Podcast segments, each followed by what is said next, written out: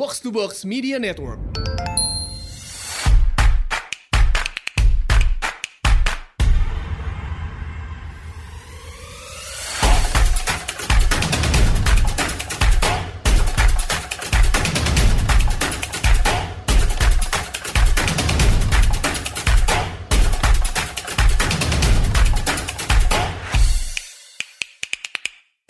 Selamat datang di Asumsi Bersuara. Nah, um, kita bakal banyak bahas soal um, Afghanistan ini. Hari ini uh, gue collab lagi nih dengan uh, punggawa podcast lokal favorit gue yang setiap episodenya pasti gue dengerin Mas Sofwan Albana dari podcast Bebas Aktif. Terima kasih. Mas Sofwan, well, welcome welcome back to podcast Mas. Ya, ya sebelumnya kita udah pernah udah pernah uh, ngobrol juga waktu itu ya. Kira-kira tahun lalu yeah. waktu itu bahas um, apa ya waktu itu bahas uh, deal Israel dengan ya, Uni, Uni beberapa Emirat negara Arab, Arab ya, Uni Emirat Arab ya. waktu itu gitu. Nah hari ini kita bakal bahas juga soal um, Afghanistan nih. Gitu.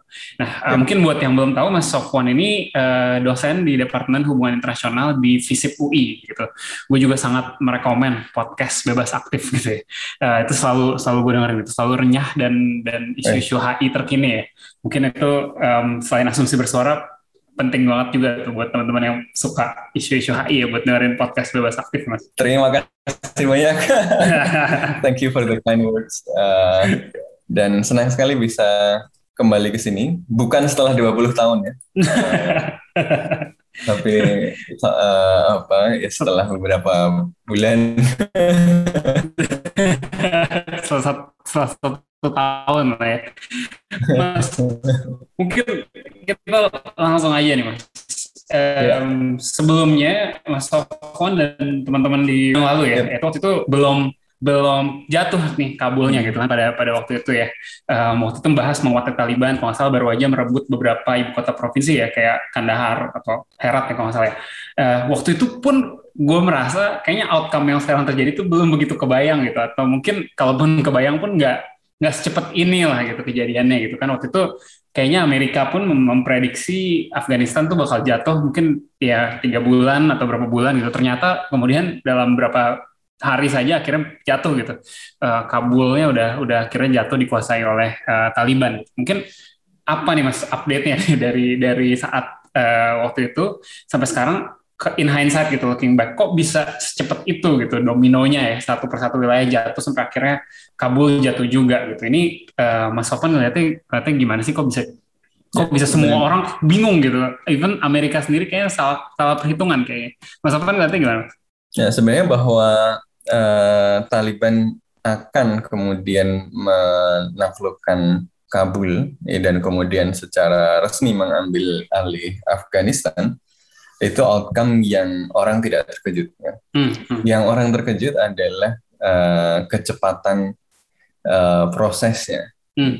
Uh, jadi ketika Biden uh, kemudian mendeklarasikan bahwa dia akan uh, menarik pasukan dan menargetkan pasukannya harus keluar, uh, hitungannya macam-macam, tetapi uh, beberapa yang paling uh, populer menyebut misalnya enam pekan ya ada uh, waktu uh, di mana uh, Taliban kemudian bisa mengambil alih uh, Kabul dan mengambil alih pemerintahan.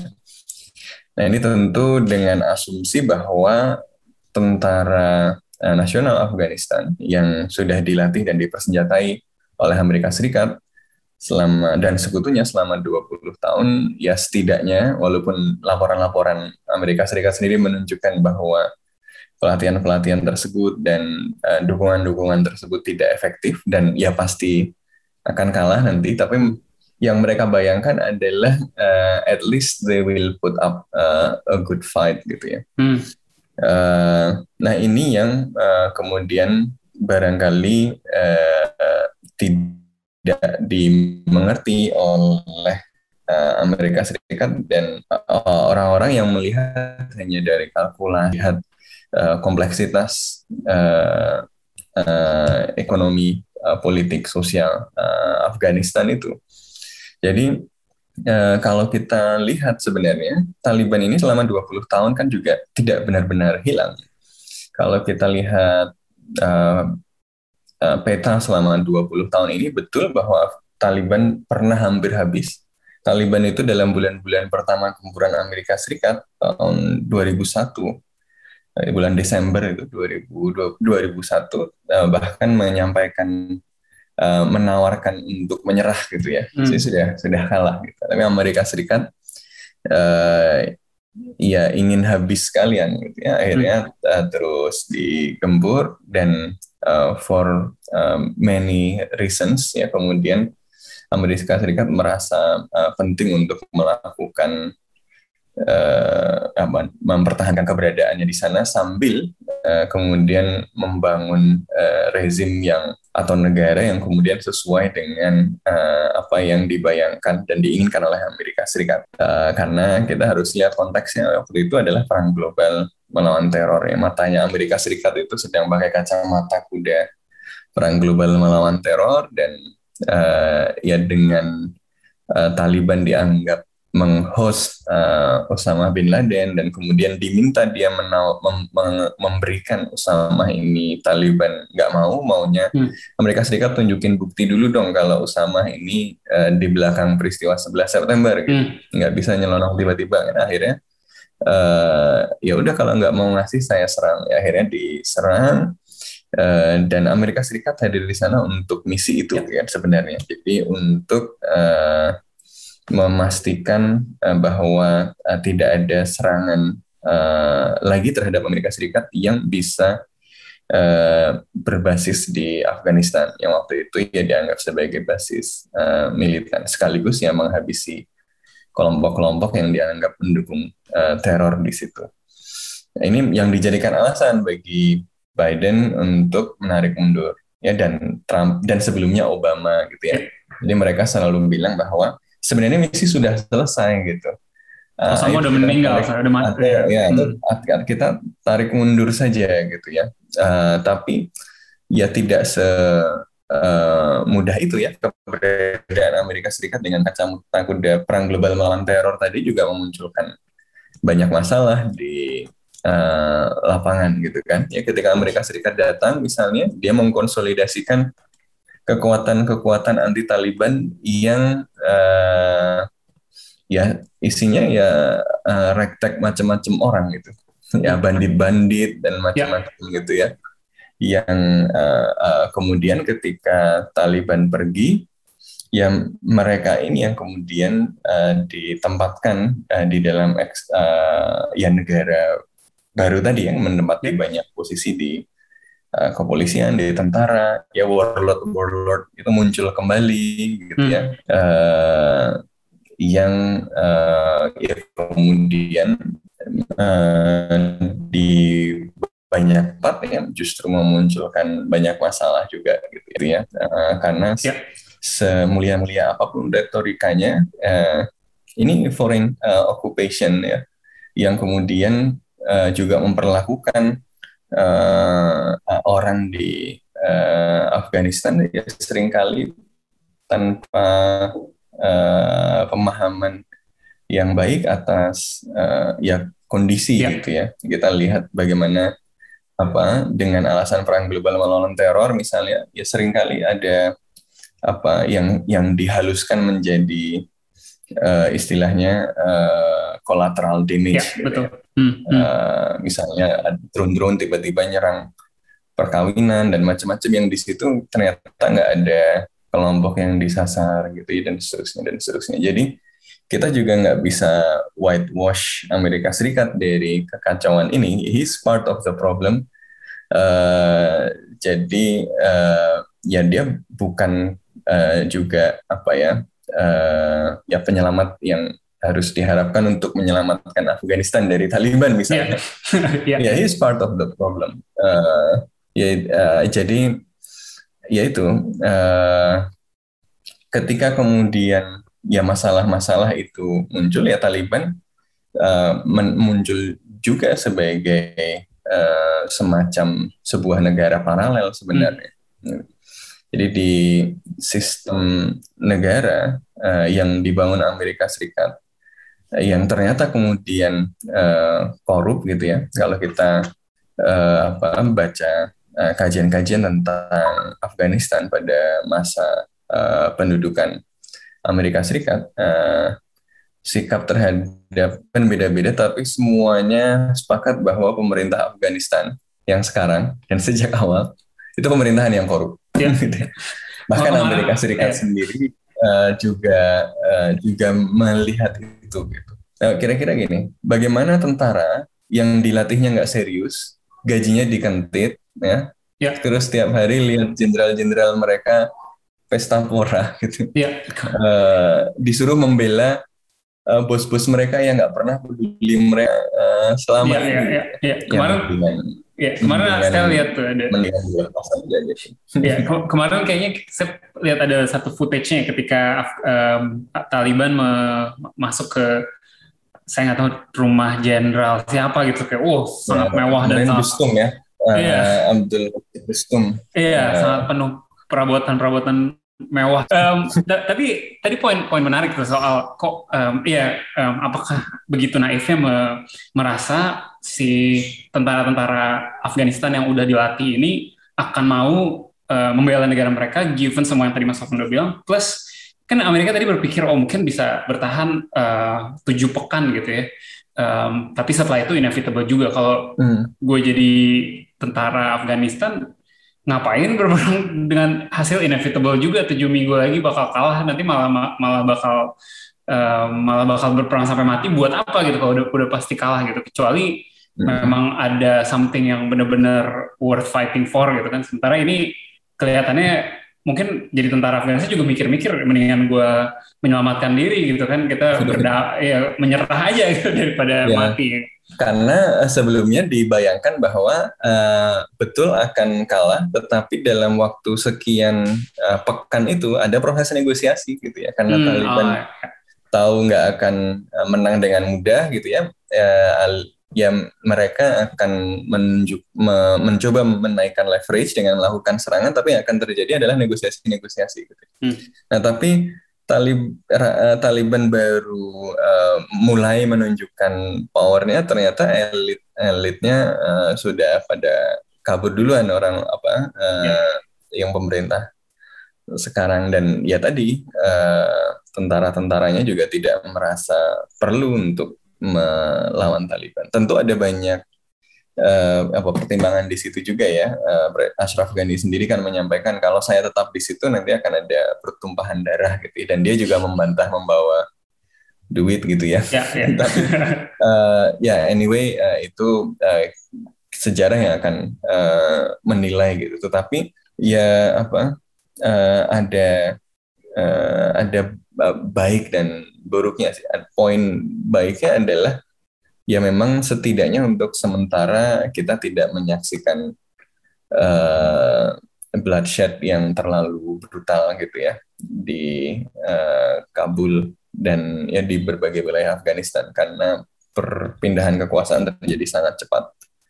Uh, kabar buruknya adalah ya ini artinya uh, leverage-nya timpang di antara kekuatan-kekuatan uh, yang diharapkan akan melakukan diskusi intra Afgan. Harus dilihat ini adalah tempat di mana berbagai kerumitan politik internasional dan politik nasional itu kemudian campur aduk gitu ya. Uh, setidaknya dengan kepergian Amerika Serikat itu satu faktor keluar.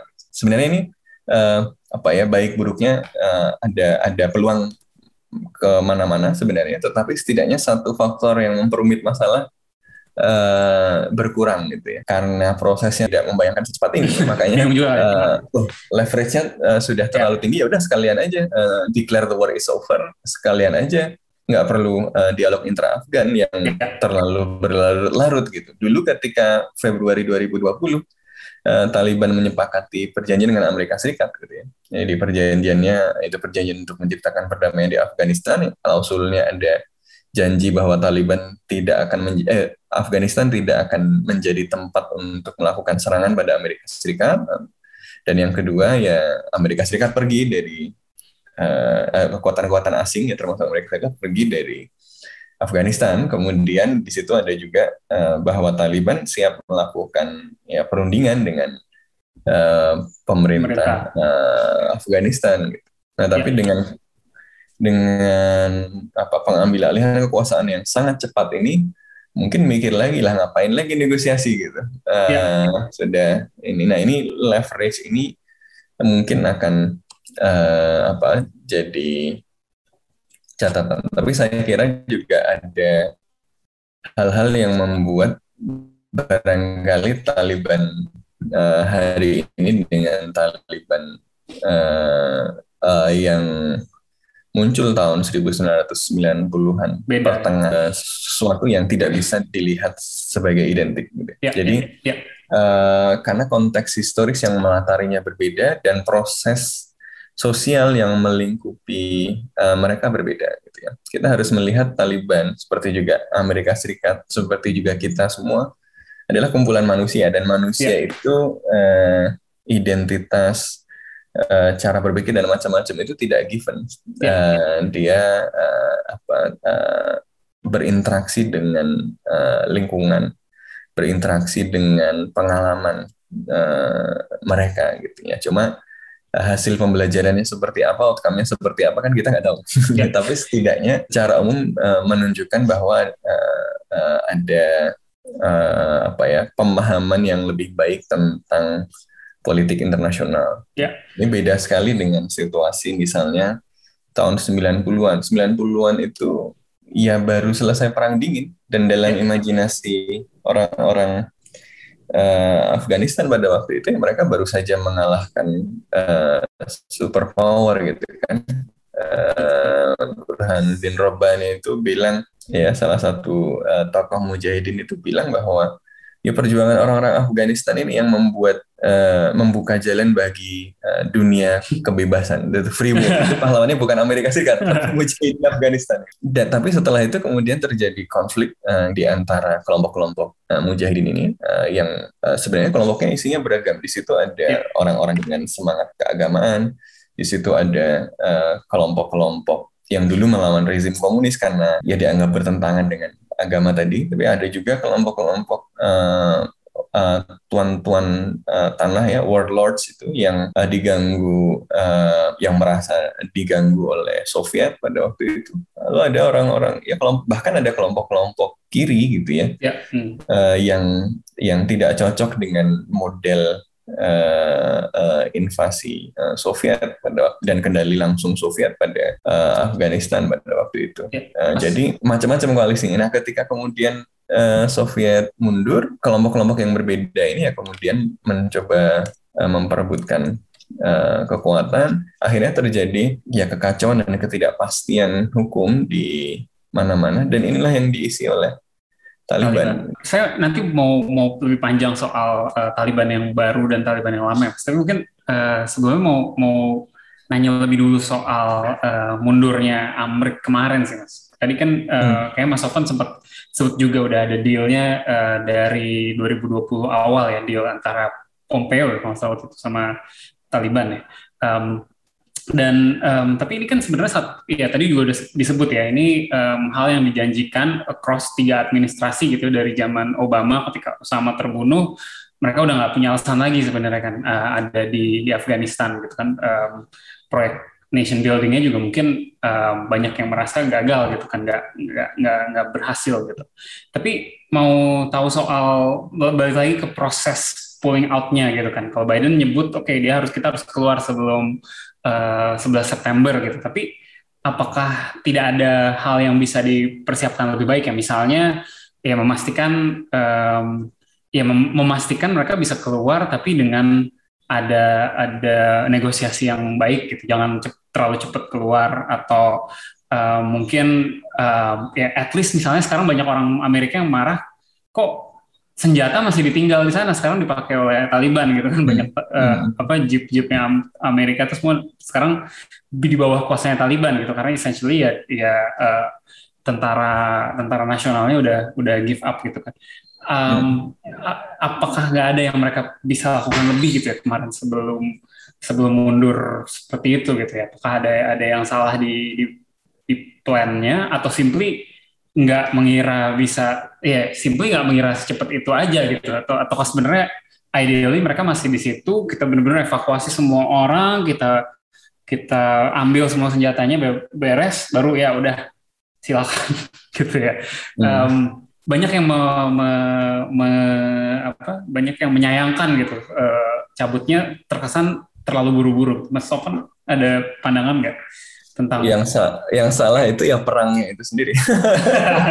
Argumen Biden soal perang-perang hmm. yang uh, yang menyeret Amerika Serikat kepada uh, apa uh, pemborosan sumber daya tanpa capaian strategis yang berarti baik dalam arti moral maupun dalam arti material gitu ya kecuali untuk segelintir uh, military contractor yeah. yang diuntungkan oleh proyek-proyek itu terus menerus uh, ya apa uh, itu uh, secara umum publik mendukung bahkan uh, ketika beberapa uh, hari terakhir ini uh, ada survei juga masih ada 40 sekian persen yang yang melihat memang memang langkah ini uh, memang harus diambil gitu ya dan sebenarnya sudah sejak lama kan memang uh, disebutkan bahwa Amerika Serikat memang harus mundur dari Afghanistan dan bahkan dari uh, Irak juga gitu. Ya. Uh, jadi uh, sebelum kita ngomong ke yang jangka pendek, apakah kemarin itu ada yang salah dalam menarik mundur dulu? Kita harus nanya dulu ada yang salah nggak dari invasi Amerika Serikat ke Afghanistan gitu.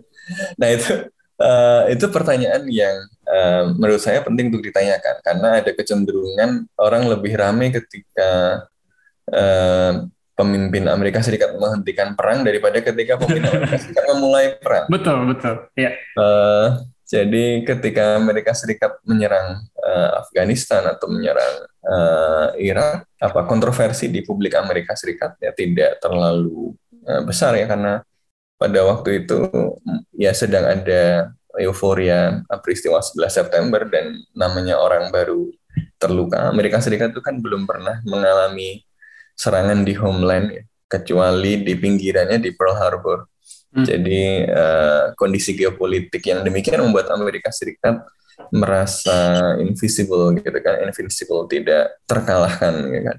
Uh, tapi tiba-tiba uh, simbol kekayaan dan kekuatan mereka dihancurkan di siang bolong gitu kan. Ya, ini ada ya ini apa ya? Ya kemudian memicu histeria massal yang ya kemudian memulai uh, petualangan Amerika Serikat di ya. dalam perang global melawan teror yang uh, ini kemudian berkaitan dengan jawaban jangka pendek tadi gitu apa yang jadi masalah yang jadi masalah adalah karena Amerika Serikat datang ke Afghanistan dengan kacamata kuda yang namanya Global War on Terror ini. Dengan Amerika Serikat datang ke Afghanistan dengan kacamata uh, Global War on Terror, ya, hitam putih ya, either with us or with the terrorist tadi, dia membuka uh, ruang bagi uh, keadaan uh, tidak ideal uh, di dalam pemerintahan Afghanistan hari ini. Contohnya apa? Uh, karena Taliban itu uh, betul dia represif ke agama ketat gitu ya dan menerapkannya dengan ya dengan tangan besi gitu ya kita lihat kita baca itu di novel ya di novel-novel di banyak laporan itu apa ya ya kita uh, sudah paham itulah gitu. tetapi uh, Taliban ini uh, memberikan uh, a sense of uh, stability gitu ya di Afghanistan yang pada awal 90-an itu uh, diwarnai dengan kompetisi antar warlords gitu. uh, yang kemudian digantikan uh, oleh Amerika Serikat dengan memunculkan kembali uh, kompetisi antar uh, warlords ini yang kemudian uh, apa ya gini kalau kita mau mengalahkan sebuah uh, pemerintahan dengan uh, hukum yang opresif cara menggantikannya itu jelas bukan dengan menghadirkan pemerintahan kleptokratik yang uh, uh, dikendalikan oleh kekuatan asing. Hmm. Jadi legitimasinya nggak ada, jaminan hukumnya nggak ada gitu. Se gini, makanya Taliban itu selama uh, mungkin nggak 20-an tahun ya, karena pada tahun-tahun awal itu beneran dia hampir tamat gitu. Hmm. Tetapi justru dia muncul kembali karena ternyata uh, pemerintahan uh, Afghanistan yang baru tidak mampu uh, deliver uh, banyak hal yang seharusnya dideliver oleh yeah. negara gitu. yang kemudian uh, Taliban lah yang mendeliver itu ya, di banyak daerah misalnya.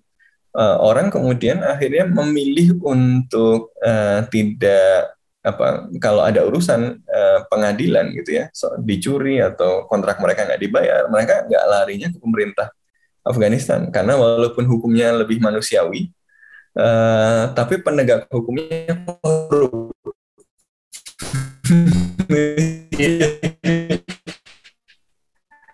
uh, apa ya uh, tertulisnya bagus tapi datang ya, ke sini trik keras ya. tapi uh, tapi clear gitu ini ada ekspektasi yang bisa di, diharapkan gitu. di ya. awal mirip kisah di awal film Godfather jadi ma masyarakat tuh datang ke ke ke Don Corleone ya untuk untuk keadilan gitu karena mungkin negara dianggap tidak tidak ada gitu.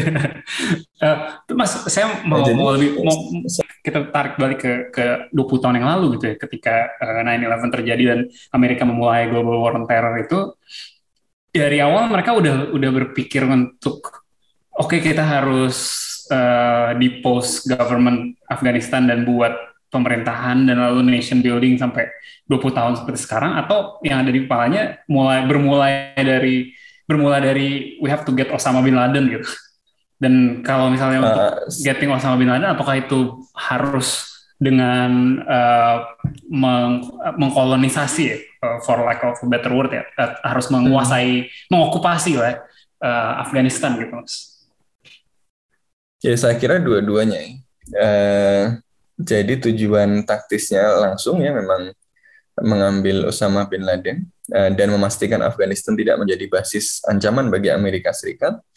Tapi pada saat yang bersamaan dia kan butuh justifikasi uh, moral juga dan kalau kita lihat uh, national security strategy Amerika Serikat pada masa-masa ini dia tidak hanya bicara soal menghilangkan ancaman bagi Amerika Serikat, dia itu memposisikan ancaman bagi Amerika Serikat itu civilizational uh, threat gitu, ancaman hmm. peradaban. Gitu.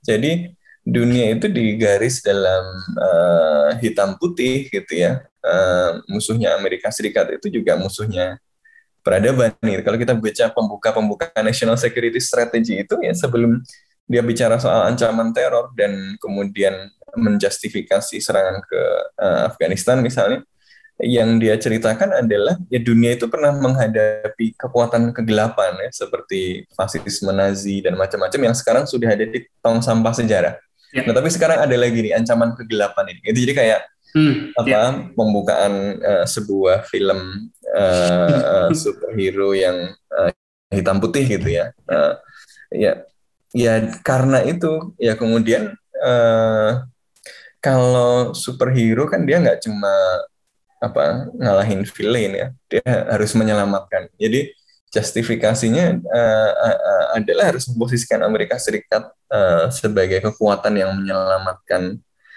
manusia-manusia uh, dari kegelapan gitu kan uh, ya saya kira ini uh, ya seperti tadi jangan-jangan uh, bukan soal nation building ya jangan-jangan bukan nation building ya gagal karena memang niat uh, awalnya bukan nation hmm. building ya jangan-jangan tadi memang uh, ada military industrial kompleks yang kemudian uh, menghendaki uh, apa kalau kalau bahasanya apa Snowden ya pengadaan alat-alat uh, militer uh, dengan menghadirkan ancaman yang yang ini hmm. dalam uh, konteks lain di di negara-negara lain juga juga biasa begini nih pencucian melalui konflik ini ya uh, ketika ada sebuah negara ada kawasan yang kemudian dibuat sebagai kawasan yang dianggap ada ancaman separatisme gitu.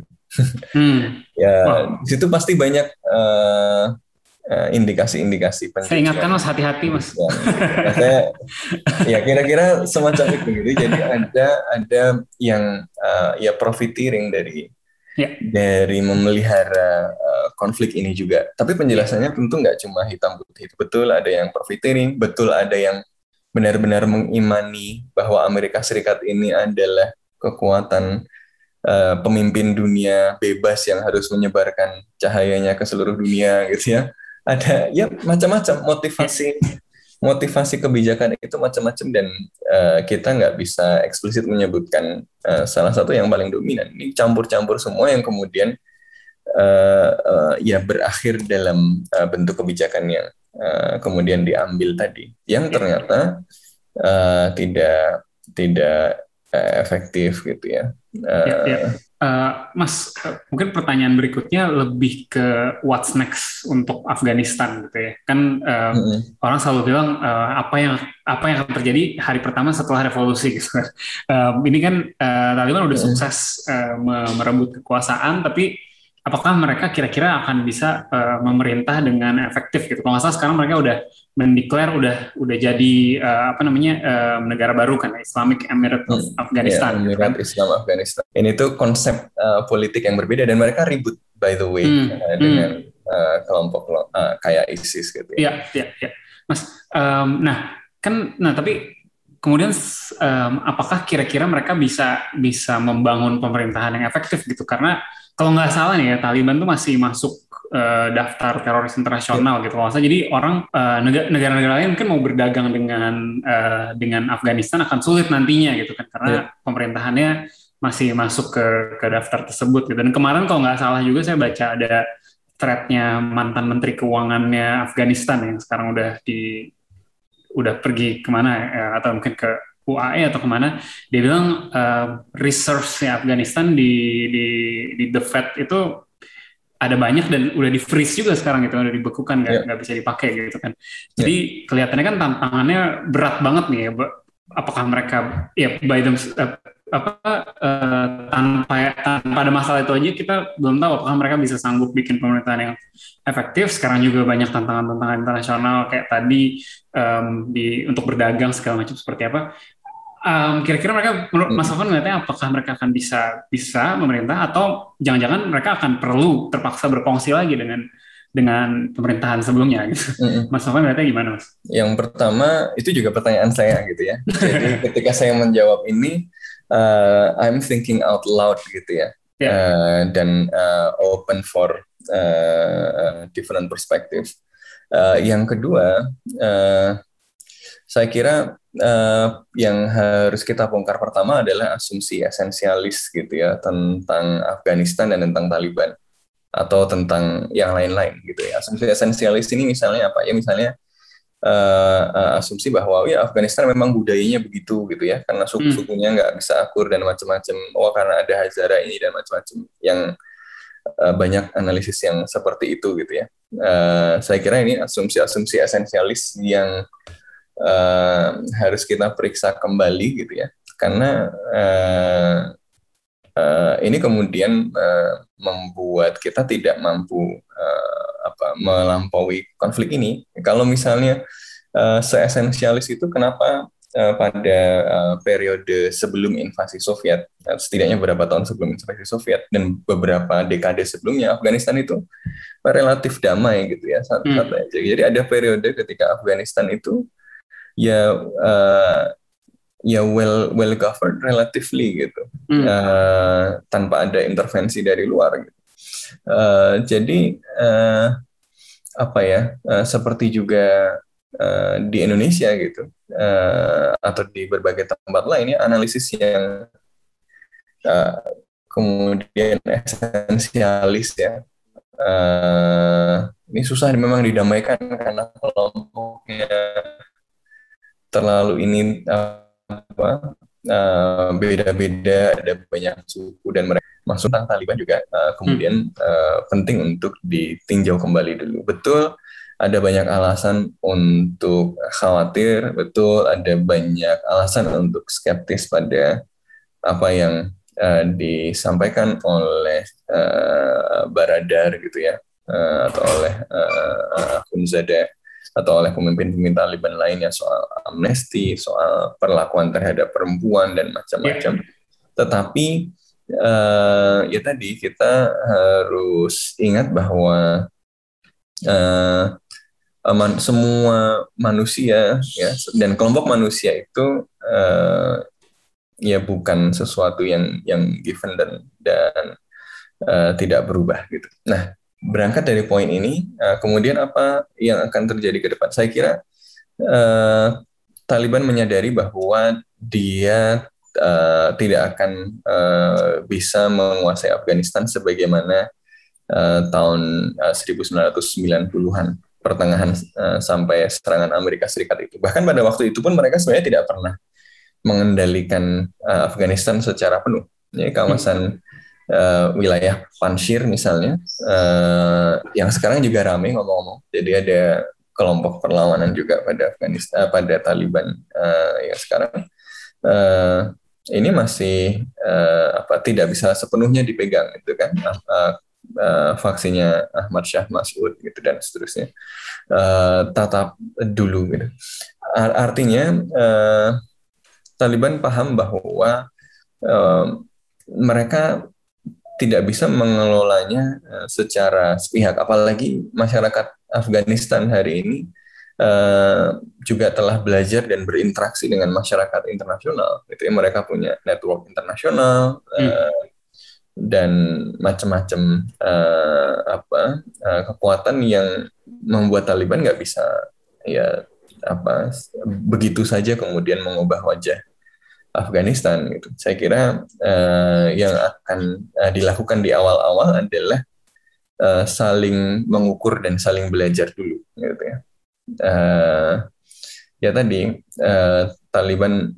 uh, pertama adalah melihat seberapa besar kekuatannya secara relatif dibanding faksi-faksi uh, yang lain gitu ya dan seberapa mampu dia misalnya untuk uh, kemudian memiliki kekuasaan yang efektif gitu. atau ada cara-cara lain untuk kemudian mendistribusikan kekuatan hmm. itu dengan biaya yang uh, paling kecil gitu ya Kemudian yang kedua ya Talibannya sendiri juga barangkali uh, belajar gitu ya dari 20 tahun ini dan dari uh, kegagalan pemerintah Afghanistan sebelumnya uh, apa hal-hal yang bisa dipelajari uh, dan tidak hanya yang ada di Afghanistan ya karena mereka banyak juga yang kemudian keluar uh, ke, apa uh, ketika Amerika Serikat Eh, masuk ke Afghanistan kan banyak juga uh, mereka yang kemudian pergi ke Pakistan, pergi ke berbagai wilayah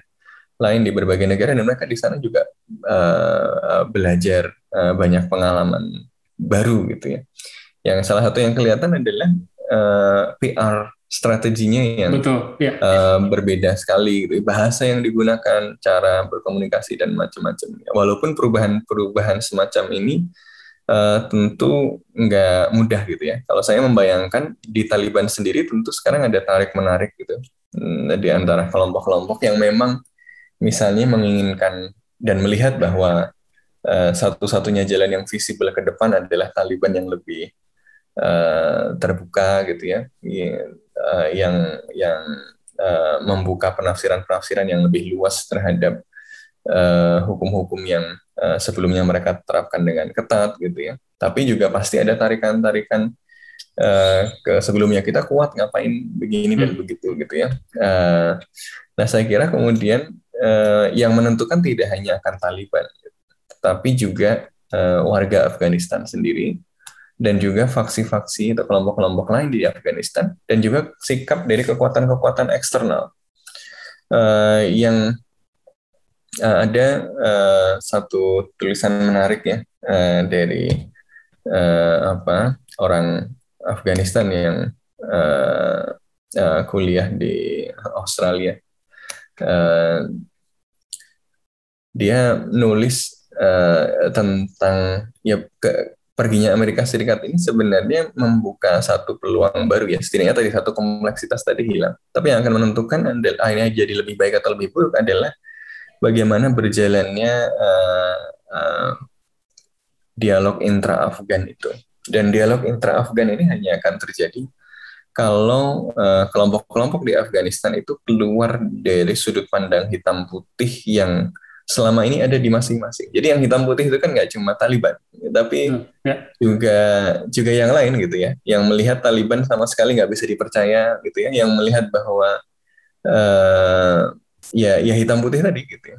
Uh, jadi yang yang yang akan menentukan wajah Afghanistan ke depan adalah bagaimana kelompok-kelompok dengan trauma historis yang berat dan tidak ada yang bisa menyalahkan orang yang punya trauma historis yang berat dengan konflik yang panjang gitu ya. Jadi kita hmm. bisa ya pasti pandangan kita hitam putih gitu kan. Tapi uh, progres akan ditentukan uh, uh, pada ya uh, kemauan ya dan uh, ke kemampuan ya orang-orang uh, Afghanistan uh, Taliban maupun anti Taliban maupun yang tidak uh, ya berada di camp keduanya gitu ya ya orang-orang biasa tadi untuk kemudian mencoba membuka lembaran baru dan dan ya memulai dialog uh, eh, intra Afgan yang yang yang yang lebih terbuka gitu yang tidak berangkat dari fundamentalisme uh,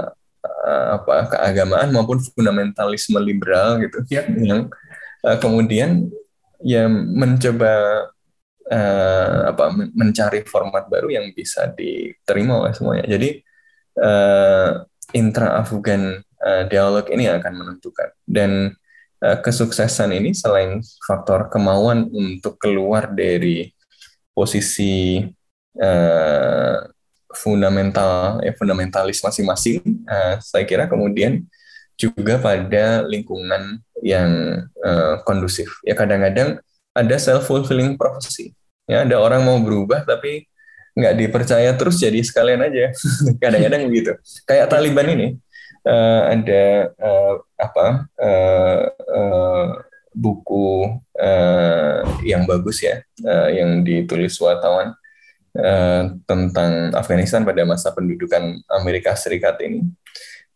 Bahwa Taliban itu pada awal-awal periode pendudukan Amerika Serikat itu masih sebenarnya kalah dan terpojok. Dia kuat lagi kenapa? Karena keberadaan Amerika Serikat di situ itu dalilnya adalah perang global melawan terorisme, maka banyak misalnya warlords itu yang memanfaatkan uh, proyek perang global melawan terorisme ini tadi hmm. untuk uh, korup dan macam-macam dan dengan itu kemudian dia mencari hantu uh, Taliban tadi. Jadi sebenarnya sudah bukan Taliban, sudah bekas Taliban gitu ya, sudah hmm. tobat, sudah ini gitu ya uh, tetap aja dihajar supaya apa? Supaya dapat proyek, supaya uh, dia tetap dapat persenjataan, dapat ini dan ya. macam-macam. Ya. Dan kadang-kadang bahkan nggak ada hubungannya sama Taliban, nggak ada hubungannya sama Al Qaeda gitu ya. Uh, rival warlordsnya dilaporkan sebagai uh, orang Taliban, sebagai orang uh, apa ya sebagai teroris gitu ya. Hantu Taliban ya, hantu Taliban dengan, dihajar Iya, jadi nggak cuma ya. ada di Kuningan aja gitu, hantu. ada juga di bahkan di Afghanistan itu ada, ada hantunya juga gitu. Hmm. Nah, jadi karena uh, hantu-hantu ini gitu ya, malah justru banyak orang yang kemudian ya sekal apa ya, uh, akhirnya jadi Taliban juga karena mereka direpresi uh, oleh negara tadi dengan bendera perang global melawan teror tadi gitu. Jadi uh, malah jadi self fulfilling prophecy. Eh, ya. Sudah nggak ada, sudah Taliban itu sudah menawarkan menyerah gitu, sudah hampir habis gitu. Tiba-tiba uh, malah dianggap ada gitu ya dan dipelihara uh, supaya proyeknya mengalir terus gitu. Ya, ya, ya. Ini ya, Mas apa um, hal yang udah beneran ada gitu. sesuatu, sesuatu yang udah lama nggak ada, terus semua orang wah hati-hati bahaya laten Taliban. Kira malah jadi ya. Jadi mungkin hati-hati kita kalau kalau seperti iya. itu.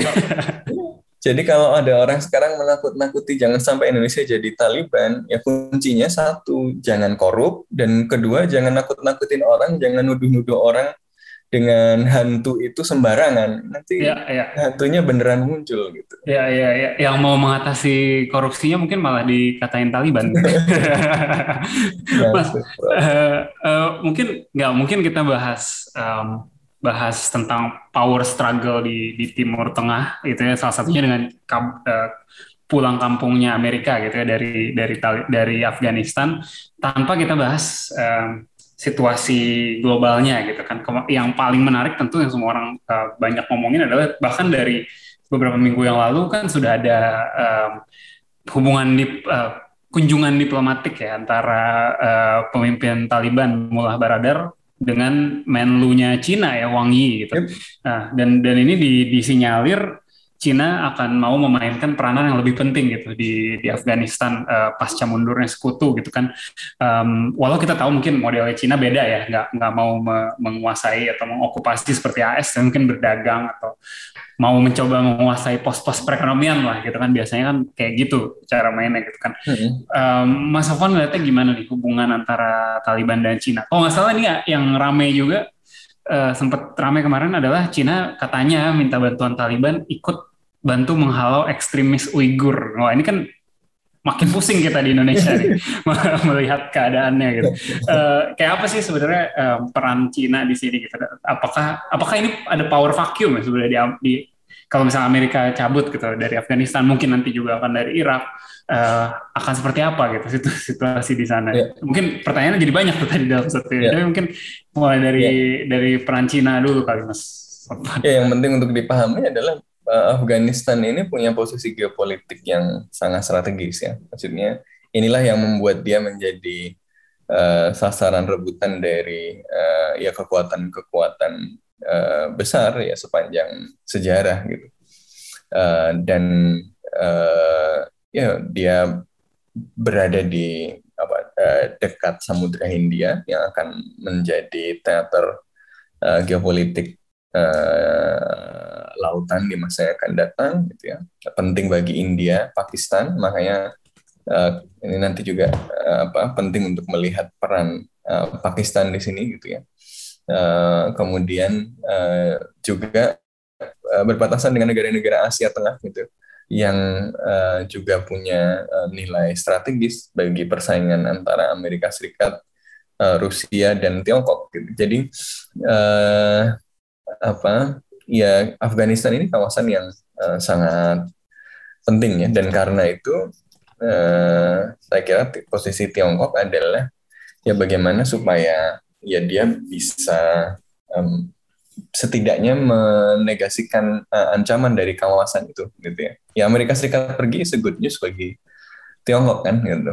Uh, kalau dia kemudian bisa mendapatkan sesuatu dari sini apalagi ada lithium besar-besaran hmm, dan ya. Afghanistan juga lagi butuh duit uh, ya apa uh, nggak ada apa ya nggak ada hal yang bisa uh, membuat pragmatisme ini tidak rasional gitu ya uh, jadi ya uh, secara umum kita melihat bahwa Tiongkok menunjukkan willingness untuk kemudian bekerja sama dengan Taliban dan tidak hanya Tiongkok Rusia kan kemarin juga sudah menyampaikan bahwa ya tidak ada alternatif yang visible selain mengakui pemerintahan Taliban gitu ya. Jadi uh, dengan melihat ya peta ini apalagi Pakistan gitu ya yang uh, dulu pas awal-awal kemunculan Taliban bahkan banyak yang bilang sampai uh, sekarang ya ada peran dari uh, Pakistan juga gitu karena hmm. Afghanistan ini juga uh, berbatasan uh, apa uh, ya dan berdekatan dengan India gitu ya uh, rivalnya uh, Pakistan juga gitu dan uh, ya kemudian menjadi penting ya di dalam persaingan antara uh, India dan Pakistan tadi. Jadi apa uh, secara umum uh, kalkulasi internasionalnya sebenarnya uh, cukup membuka ruang untuk Taliban. Selama Taliban tidak melakukan hal-hal kontraproduktif yang membuat bekerja sama dengan Taliban itu uh, tidak bisa dijustifikasi di publik. Hmm. Ya tiba-tiba melakukan pembantaian massal gitu, ya. tiba-tiba melakukan ini itu sulit gitu. Tapi kalau uh, apa Taliban belajar ya, uh, kemudian berhati-hati ya, dan kemudian syukur-syukur apa ya uh, memiliki pemahaman keagamaan yang lebih uh, terbuka gitu karena kemarin sudah berkunjung ke Indonesia kan uh, siapa tahu terilhami uh, apa uh, Pancasila gitu. Ya kan? Uh, ya ya ya nggak ada yang tahu kan? Uh, kalau kemudian hal-hal ya, itu bisa uh, uh, terjadi uh, overall uh, Taliban akan akan bisa memiliki akses kepada dukungan internasional dan dengan demikian sumber daya uh, untuk kemudian membangun perekonomian uh, Afghanistan. Jadi kita harus ingat juga bahwa 20 tahun ini ekonomi Afghanistan juga sebenarnya nggak tumbuh gitu. Ya, ya. Ini ekonomi kolonial yang ditopang oleh bantuan luar negeri uh, uh, dan dijalankan oleh uh, pemerintahan yang kleptokratik gitu. Jadi manfaat ekonominya juga nggak nggak sampai dan nggak ada pertumbuhan uh, yang real gitu. Tentu ada progres yang harus dilihat dan harus dihargai gitu ya. Tetapi secara umum uh, uh, apa uh, ekonominya juga nggak nggak baik-baik amat gitu. Nah kalau Taliban kemudian uh, bisa lebih pragmatis, bisa lebih terbuka, uh, belajar dan memanfaatkan hubungan internasionalnya yang sekarang sepertinya lebih terbuka. Dulu mungkin suasananya habis perang dingin dan semuanya juga lagi perang jadi dia perang sama siapa-siapa gitu dia nggak peduli yeah. sama ya. macam-macam yeah. tapi uh, sekarang situasi uh, berubah ya. dia tahu ada Amerika Serikat ada Tiongkok ada Rusia ada yang lain-lain yang uh, kondisi-kondisinya juga berubah ya Soviet dulu musuhnya gitu. sekarang Rusia mau bekerja sama yeah. dan seterusnya artinya uh, peta internasional ini juga akan berpengaruh kepada sikap Taliban dan saya kira ini menjadi bagian dari uh, kekuatan uh, apa, material gitu ya yang akan mendorong Taliban untuk uh, menjadi lebih uh, pragmatis, lebih terbuka. Ya, ya.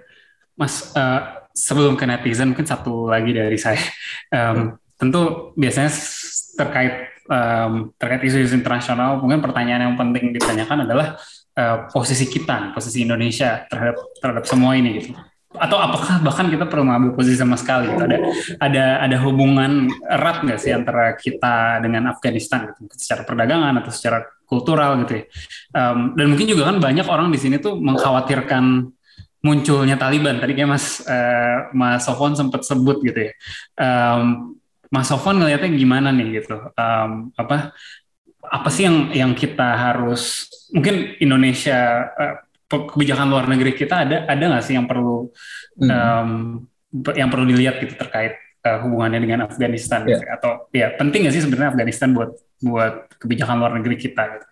Ya turut serta mewujudkan ketertiban dunia uh, itu kan bagian dari amanat konstitusi gitu ya. Jadi hmm. secara moral itu sebenarnya kebijakan luar negeri Indonesia itu tidak hanya didorong oleh alasan-alasan material gitu, tapi juga alasan-alasan uh, ideasional, alasan-alasan moral. Tetapi gitu ya, kita juga harus ingat bahwa uh, proyeksi uh, kekuatan uh, nasional itu juga uh, dibatasi oleh sumber daya gitu. Jadi secara moral bisa uh, Indonesia sebaiknya melakukan sesuatu nggak kalau bisa melakukan gitu ya tapi dihitung dulu resource ada atau enggak nah, gitu. Yeah. nah dalam hal ini saya kira kemudian uh, perlu menghitung modalitas Indonesia dan barangkali Indonesia sebenarnya punya beberapa modalitas yang menarik gitu ya yang bisa cost efektif untuk itu. Yang pertama adalah uh, Indonesia ini kan uh, bukan pihak yang terlibat di dalam konflik-konflik uh, ini gitu sebenarnya uh, baik uh, Taliban maupun kelompok-kelompok anti Taliban uh, itu sebenarnya nggak punya masalah sama Indonesia. Taliban pernah main ke Indonesia, um, uh, pemerintahan Afghanistannya juga pernah main ke Indonesia ya. Hmm. Uh, dan apa ormas-ormas Indonesia termasuk NU misalnya Muhammadiyah itu banyak juga yang uh, memulai proses grassroots peace building gitu kan ya. di Afghanistan. Jadi walaupun uh, apa uh, masih tercenderung sporadis ya dan macam-macam. Jadi tapi sebenarnya ada modalitas uh, modalitas yang uh, bisa dilakukan di situ dan uh, barangkali ya justru kalau kita lihat posisi Kementerian Luar Negeri saat ini kan masih membuka hubungannya dengan uh, Afghanistan dan berharap uh, uh, apa perdamaian di Afghanistan melalui proses yang ditentukan oleh warga Afghanistan sendiri. Saya kira ini posisi yang yang sudah uh, pas gitu ya uh, untuk sementara ini ya, sambil melihat uh, apa yang bisa dilakukan oleh uh, Indonesia kemudian. Nah, ya. uh, yang penting ya tadi uh, perlindungan warga negara dulu, lalu mungkin ya mulai membuka kontak-kontak dengan kelompok kelompok-kelompok yang beragam tadi. Kita punya apa pengalaman dalam mediasi konflik ya uh, dan kita sendiri punya pengalaman menghadapi konflik juga gitu nah ini bisa jadi uh, modalitas juga untuk uh, terlibat di sana apalagi ada apa hal-hal yang secara kultural sebenarnya bisa digunakan jadi kalau ini dikelola dengan baik justru bisa jadi peluang bagi uh, Indonesia ya walaupun uh, saya kira harus dihitung uh, modalitas kita seperti apa. Tapi it's good to apa memantau situasi dan uh, melihat kemungkinan apa yang bisa dilakukan. Uh, ya. Karena leverage Indonesia uh, uh, agak ngedrop karena Myanmar kan, nggak ya. bisa ngapa-ngapain di Myanmar. Uh, ya masih sangat terbatas di Myanmar gitu. Uh, barang uh, ya mungkin ada uh, sesuatu yang bisa dilakukan di Afghanistan. Tapi di sisi lain juga kalau Myanmar aja nggak bisa, apalagi di Afghanistan. Ya. tapi, uh, tapi ya uh, konteks itu kan uh, berbeda-beda gitu ya. Jadi saya kira uh, ya harus uh, dilihat ya. Uh, ini patokan moralnya adalah kita harus peduli dan mencoba melakukan yang bisa dilakukan untuk kemanusiaan. Tapi itu subject to our capacity Uh, sehingga kita tidak malah memperumit masalah gitu dan, ya. dan membuat kita tertarik dalam masalah. Ya, Mas Sofwan, ini udah satu jam tapi ada beberapa ada beberapa lah pertanyaan dari hmm. netizen yang kayaknya uh, menarik buat dibahas ya Mas. Um, pertama dari at Aan Risdian di Twitter nih ya. Um, ini pertanyaannya simpel tapi kayaknya jawabannya bisa nggak simpel gitu. Ya, intinya Taliban itu memang teroris atau bukan? Mohon pencerahannya Pak gitu. Uh, nah mungkin ini menarik karena um, kalau saya boleh nambahin uh, kemarin ketika kita bicara amnesti-amnesti yang diberikan oleh Taliban ke berbagai tawanan politik gitu, tahanan politik yang ada, ketika ada satu atau beberapa yang terafiliasi uh, ISIS langsung di dieksekusi di tempat gitu kan. Um, mungkin itu menarik juga tuh uh, Mas Sofwan. Kayak kayak apa sih sebenarnya dinamikanya gitu ya dengan dengan kelompok-kelompok lain gitu. Tapi mungkin pertanyaan paling dasarnya jadi jadi mereka teroris atau bukan gitu. Uh, itu uh, memang sebuah istilah yang contested ya. Jadi hmm. ya tergantung uh, siapa yang menggunakan dan siapa yang menyebut gitu. Uh, tapi sebelum ke sana penting untuk memahami Taliban ini siapa gitu kan. Talib ya. itu kan ya Taliban itu kan dari kata uh, pelajar gitu ya. Pelajar apa sih ini? Pelajar uh, dari uh, madrasah-madrasah yang dulu ada di pinggir-pinggiran Afghanistan, ya, bahkan di, yang ya dari uh, Pakistan dan macam-macam, yang dipengaruhi oleh gagasan. Uh, sebenarnya gagasan ini uh, berbeda dengan gagasannya ISIS atau yang lain ya, Deobandi. Ya. Hmm. Uh, gagasannya lebih uh, tradisionalis gitu. Jadi sering disebut misalnya Taliban ini versi uh, Islam pedesaan uh, Afghanistan. Gitu. Hmm. Uh, ya, dan uh, apa? Jadi dia berbeda dari uh, apa? Misalnya pemahaman uh, ISIS misalnya yang karakteristiknya berbeda. Nah, Deobandi ini uh, banyak dipengaruhi misalnya uh, mazhab Hanafi yang memang populer di uh, kawasan Asia Selatan ya. Uh, ya tapi Hanafi ini kan macam-macam ya dan varian uh, Deobandi dan yang kemudian varian yang diikuti oleh Taliban ini memang uh, banyak yang uh, cenderung konservatif ya tadi karena uh, versi Islam uh, apa uh, pedesaan Afghanistan ya kira-kira begitu. Nah, kelompok ini adalah kelompok yang disusun oleh ya pelajar-pelajar di madrasah-madrasah yang mengajarkan uh, ilmu keagamaan yang, yang dipengaruhi oleh gagasan Deobandi tadi, yang kemudian mempersenjatai diri dan dipersenjatai gitu ya, uh, sebagai uh, uh, respon atas uh, kekacauan pasca uh, penarikan mundur Soviet. Jadi mujahidin uh, mujahidin itu mengusir Soviet, Soviet mundur, tapi setelah itu uh, terjadi uh, apa konflik ya uh, antar berbagai kelompok ya, dengan beragam motivasi, motivasi tadi yang kemudian memunculkan uh, ketidakpastian di Afghanistan. Makanya kemudian uh, ketika Afghanistan muncul ya dulu misalnya banyak sumber yang menyebutkan didukung oleh uh, Pakistan, oleh ISI gitu ya. Uh, ya bahkan uh, pejabat militer Pakistan menyebut Taliban itu sebagai my boys gitu ya. Ya ya anak-anaknya dulu gitu pas awal-awalnya. Ya kalau Afghanistan nggak stabil uh, bisa di eh, ini bisa kena juga kan Pakistan gitu. Mendingan dipegang oleh orang yang memiliki kedekatan sama kita gitu.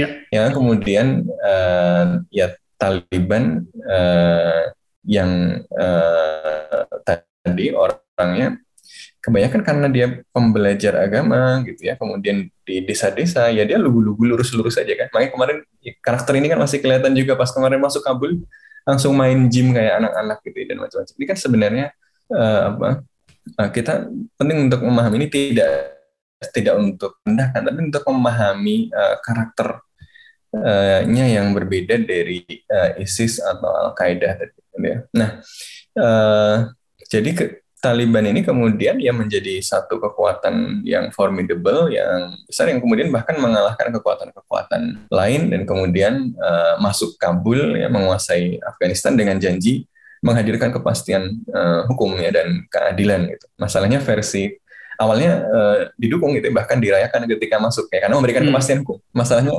lama-lama hukumnya jadi oh, kok strict banget gitu kan. Jadi iya. orang uh, mulai wah apa uh, perempuan hanya boleh uh, pakai baju tertentu, kemudian nggak boleh sekolah dan macam-macam gitu ya, yang kemudian uh, memunculkan ketidakpuasan ketidakpuasan gitu. Nah jadi uh, tapi kemudian sebutan terorisnya lebih banyak karena uh, ya dimulai ketika Amerika Serikat uh, itu kemudian uh, menggelorakan perang global melawan teror dan Taliban ini dianggap sebagai entitas yang melindungi kelompok-kelompok teroris ya. Karena kemudian Afghanistan uh, pada masa pemerintahan uh, Taliban ya uh, yang pertama pada waktu itu ya dianggap jadi shelternya Osama bin Laden. Ya dan ketika Amerika Serikat minta uh, Taliban menyerahkan Osama mereka menolak ya. Nah, nah itu juga menarik kenapa kenapa mereka menolak mas. Maksudnya uh, kalau dari if I were Taliban gitu dan tahu akan diserang oleh Amerika Serikat superpower dunia satu-satunya kala itu uh, yang mana berapa hari juga akan akan tamat nih kita gitu kalau misalnya Amerika benar-benar nyerang gitu. Hmm. Kenapa mereka harus uh, me mempertahankan atau me melindungi Osama bin Laden gitu? Apa, apa uh, alasan formalnya karena Amerika Serikat tidak bisa menunjukkan bukti keterlibatan Osama hmm. dalam peristiwa 11 September. Uh, kalau yang lain ya barangkali karena Taliban tidak berpikir dengan cara berpikir uh, uh, yang kita bayangkan. Nggak belum pragmatis waktu itu. Jadi uh, ya barangkali ya uh, buat mereka ya yaitu masalah uh, solidaritas dengan tamu gitu kita hmm. tahu orang Afghanistan itu Taliban atau bukan itu orang-orang yang sangat ramah pada tamu gitu yeah. ada tamu di rumah gue tiba-tiba yang harusnya dijamu dan itu menunjukkan kemuliaan tuan rumah itu dengan menjamu tamu tiba-tiba diminta menyerahkan tamu itu gitu yeah. dan yang meminta menyerahkan tamu itu nggak ngasih bukti mau ditaruh di mana um, harga diri saya kalau saya serahkan begitu saja gitu kan kira-kira ya, alasan prinsipil ya maksudnya lebih uh, ya nggak tahu uh, hmm. apa uh, ada, ada banyak hal yang tentu perlu kita uh, apa dalami lebih jauh gitu ya uh, tetapi yang jelas ya Taliban tidak menyerahkan itu ya. apa pun alasannya gitu ya uh, dan setelah itu segera diserang oleh Amerika Serikat dan Kabul jatuh dengan sangat cepat. Ya. Uh, September itu terjadi peristiwa 11 September, Desember udah mau habis Taliban tuh. Ya, Jadi ya. sudah sudah ya sudah sudah mundur, uh, sudah terpaksa mundur ke mana-mana. Ya tapi ya tadi uh, justru kemudian kegagalan Amerika Serikat uh, dan kegagalan pemerintahan uh, Afghanistan untuk memberikan alternatif uh, yang baik ya ini kemudian membuat Taliban kuat lagi di ya. berbagai uh, daerah gitu ya bahkan ya mereka menguasai jalan-jalan uh, strategis ya bahkan uh, banyak warlords yang dilatih oleh Amerika Serikat uh, untuk kemudian menjadi tentara nasional Afghanistan itu ya akhirnya uh, ini uh, ada kerjasama sama Taliban jadi mereka misalnya gini dapat proyek uh, untuk menghentikan Afghanistan, ya mereka bagi aja duitnya, bayar sedikit Taliban nih, kamu jangan nyerang-nyerang dulu ya. Nanti hmm. nanti kalau apa kita perlu duit lagi, serang lagi nggak apa-apa gitu, gitu, gitu. Ya bagi duitnya. Jadi ya, ya. Uh, apa yang nggak berjalan sesuai apa yang dibayangkan oleh Amerika Serikat yang barangkali apa pandangannya hitam putih ya Taliban anti Taliban gitu. Padahal relasinya sebenarnya mungkin uh, sangat uh, lebih cair ya, gitu ya, ya sangat ya. sangat cair di situ. Ya ya Mas uh, berikutnya dari Instagram dari uh, Wita underscore Mayangsari X. Bagaimana sebenarnya posisi Indonesia terkait pengungsi internasional gitu? Ini kayaknya mengingat banyak pengungsi Taliban eh pengungsi Taliban sorry pengungsi dari Afghanistan juga kan Indonesia ya, ya. terutama um, banyak pengungsi dari apa uh, Hazara ya hmm. uh, yang memang uh, pada periode uh, Taliban yang dahulu dipersekusi karena uh, apa uh, perbedaan keagamaan dan perbedaan etnis ya. Ya, uh, ya, ya. Uh, mereka sebenarnya pengennya ke Australia gitu. Nah, Tapi betul. ya Australia kan uh, bahkan repot-repot apa mengembalikan kapal gitu ya. ya. Karena mereka ya. nggak ya. mau menerima gitu. Ini uh, ini ini pertanyaan yang uh, Mbak Wita ini uh, kemudian berlanjut gitu. Mengapa negara kita seringnya jadi lokasi transit pengungsi gitu, bukan tujuan akhir? Kenapa orang nggak mau mengungsi ke sini gitu? Apakah pengungsinya emang nggak mau atau kitanya yang emang nggak nggak menerima juga, mas? Iya, saya kira ada dua faktor itu ya. Uh, ya tentu lebih menarik untuk ke negara yang kesempatan ekonominya lebih terbuka. Gitu ya. Saya hmm. sudah menderita di negara asal. Ngapain sih? Saya mau ke negara yang menderita apa ya, yang nasib saya juga masih belum terjamin ya, mendingan ya. Uh, ya ya ke negara yang memang uh, kondisi ekonominya lebih baik gitu kan uh, yang membuka peluang lebih uh, besar gitu. Uh, kedua ya Indonesia sendiri memang uh, masih uh, problematik juga dalam menyikapi ini gitu ya Indonesia tidak uh, ingin uh, uh, mengambil tanggung jawab itu secara penuh gitu Uh, makanya banyak yang kemudian uh, mengalami limbo gitu di Indonesia. Jadi uh, dibayar oleh institusi internasional untuk membiayai pengungsi di sini. Tapi ya Indonesia bantu mengadminister itu, tetapi tidak uh, kemudian uh, memberikan gambaran yang jelas. Ini mau ditaruh di Australia gitu karena Australia juga nggak mau nerima, tapi juga nggak mau resettle di Indonesia karena Indonesia nggak punya program itu gitu dan ada kekhawatiran juga misalnya kalau Indonesia kemudian menerima nanti akan akan akan banyak gitu yang yang uh, ke sini dan kemudian harus ditanggung. Tapi saya kira posisi Indonesia ya ya seharusnya ya kita mendorong uh, apa ya ya kemanusiaan itu kan bagian dari Pancasila gitu. Ya saya kira uh, kalkulasi-kalkulasi uh, kapabilitas itu bisa disesuaikan dengan uh, prinsip tadi gitu. Uh, cuma apa ya ya memang harus disiapkan dengan baik. Tapi selain soal Indonesia ya kita harus dorong supaya negara-negara maju yang sebenarnya juga ikut menciptakan masalah. Gitu. Australia itu ikut invasi Amerika Serikat ke Afghanistan. ya tanggung jawab dong gitu. Iya ya, deh. Ya ya apa ya kita harus lebih manusiawi sikap yang lain seperti apa pun ya kita harus saya kira kemudian ya harus menjadikan kemanusiaan sebagai prinsip dan saya kira uh, kebijakan kita terhadap pengungsi masih uh, belum terlalu mencerminkan hal itu gitu ya uh, harus lebih uh, progresif ya uh, ratifikasi uh, uh, hak-hak pengungsi dan seterusnya tetapi kemudian pada saat yang bersamaan kita juga harus mengupayakan uh, diplomasi internasional untuk mendorong negara-negara maju lebih konsisten ya dengan uh, apa yang mereka ceramahkan itu. Ya, ya. Mas Sofwan, ini kita udah overtime nih kayaknya udah satu jam hmm. sepuluh menit nih sebenarnya. Mas, tapi mungkin terakhir dari Mas Sofwan ada nggak nih hal lain yang kayaknya penting buat uh, pendengar asumsi bersuara ketahui juga nih soal um, isu yang sedang terjadi gitu ya um, tentang Taliban, tentang Afghanistan, kemudian um, tentang peran Amerika misalnya yang mungkin dari tadi belum kita belum kita sentuh gitu, Mas. Ya, uh, jadi saya kira uh, hal penting yang harus digarisbawahi adalah bahwa uh, Taliban dan Afghanistan ini harus dilihat tidak dalam kacamata uh, esensialis gitu ya. Uh, ini adalah uh, kumpulan manusia yang berinteraksi dengan manusia yang lain dalam uh, konteks historis uh, yang spesifik kontraproduktif dan menghadirkan uh, self fulfilling prophecy.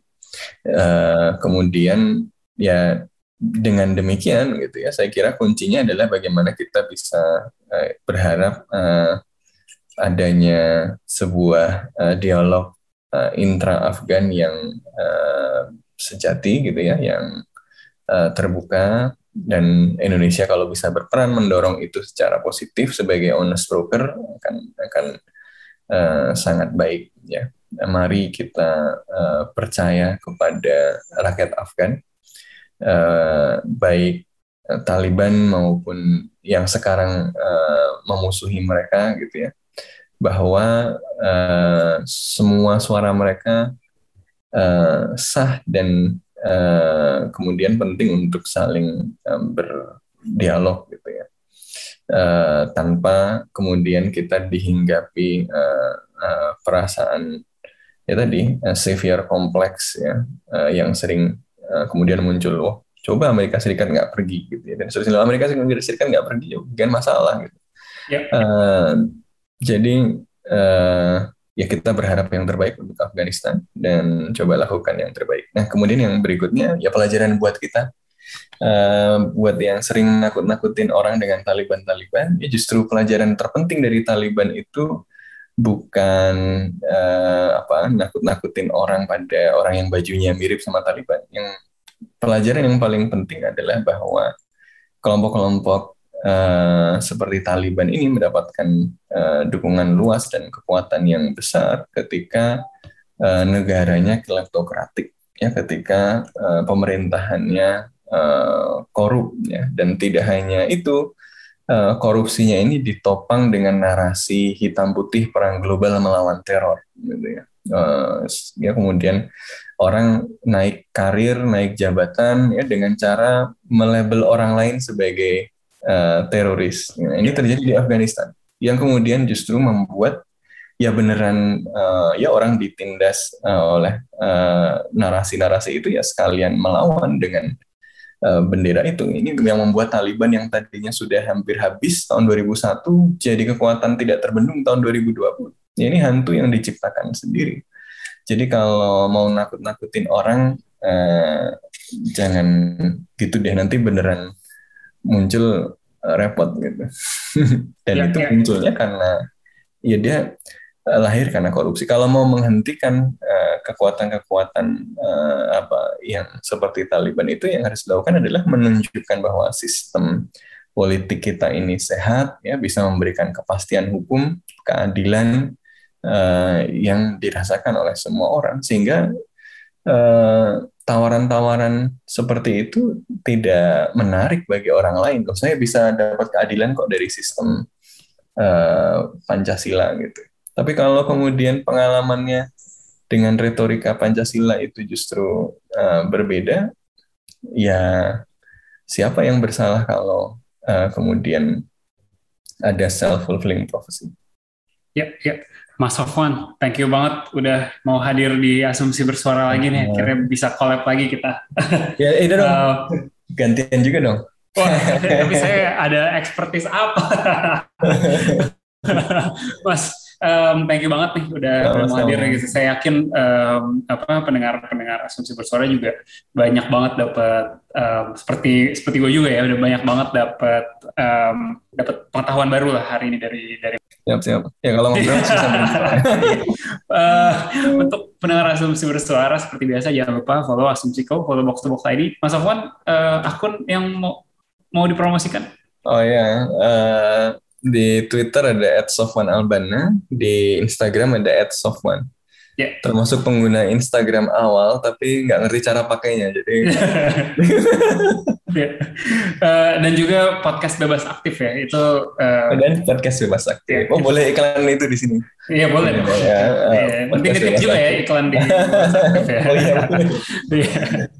Oke, um, sampai jumpa lagi hari Selasa berikutnya. Yes. Ciao.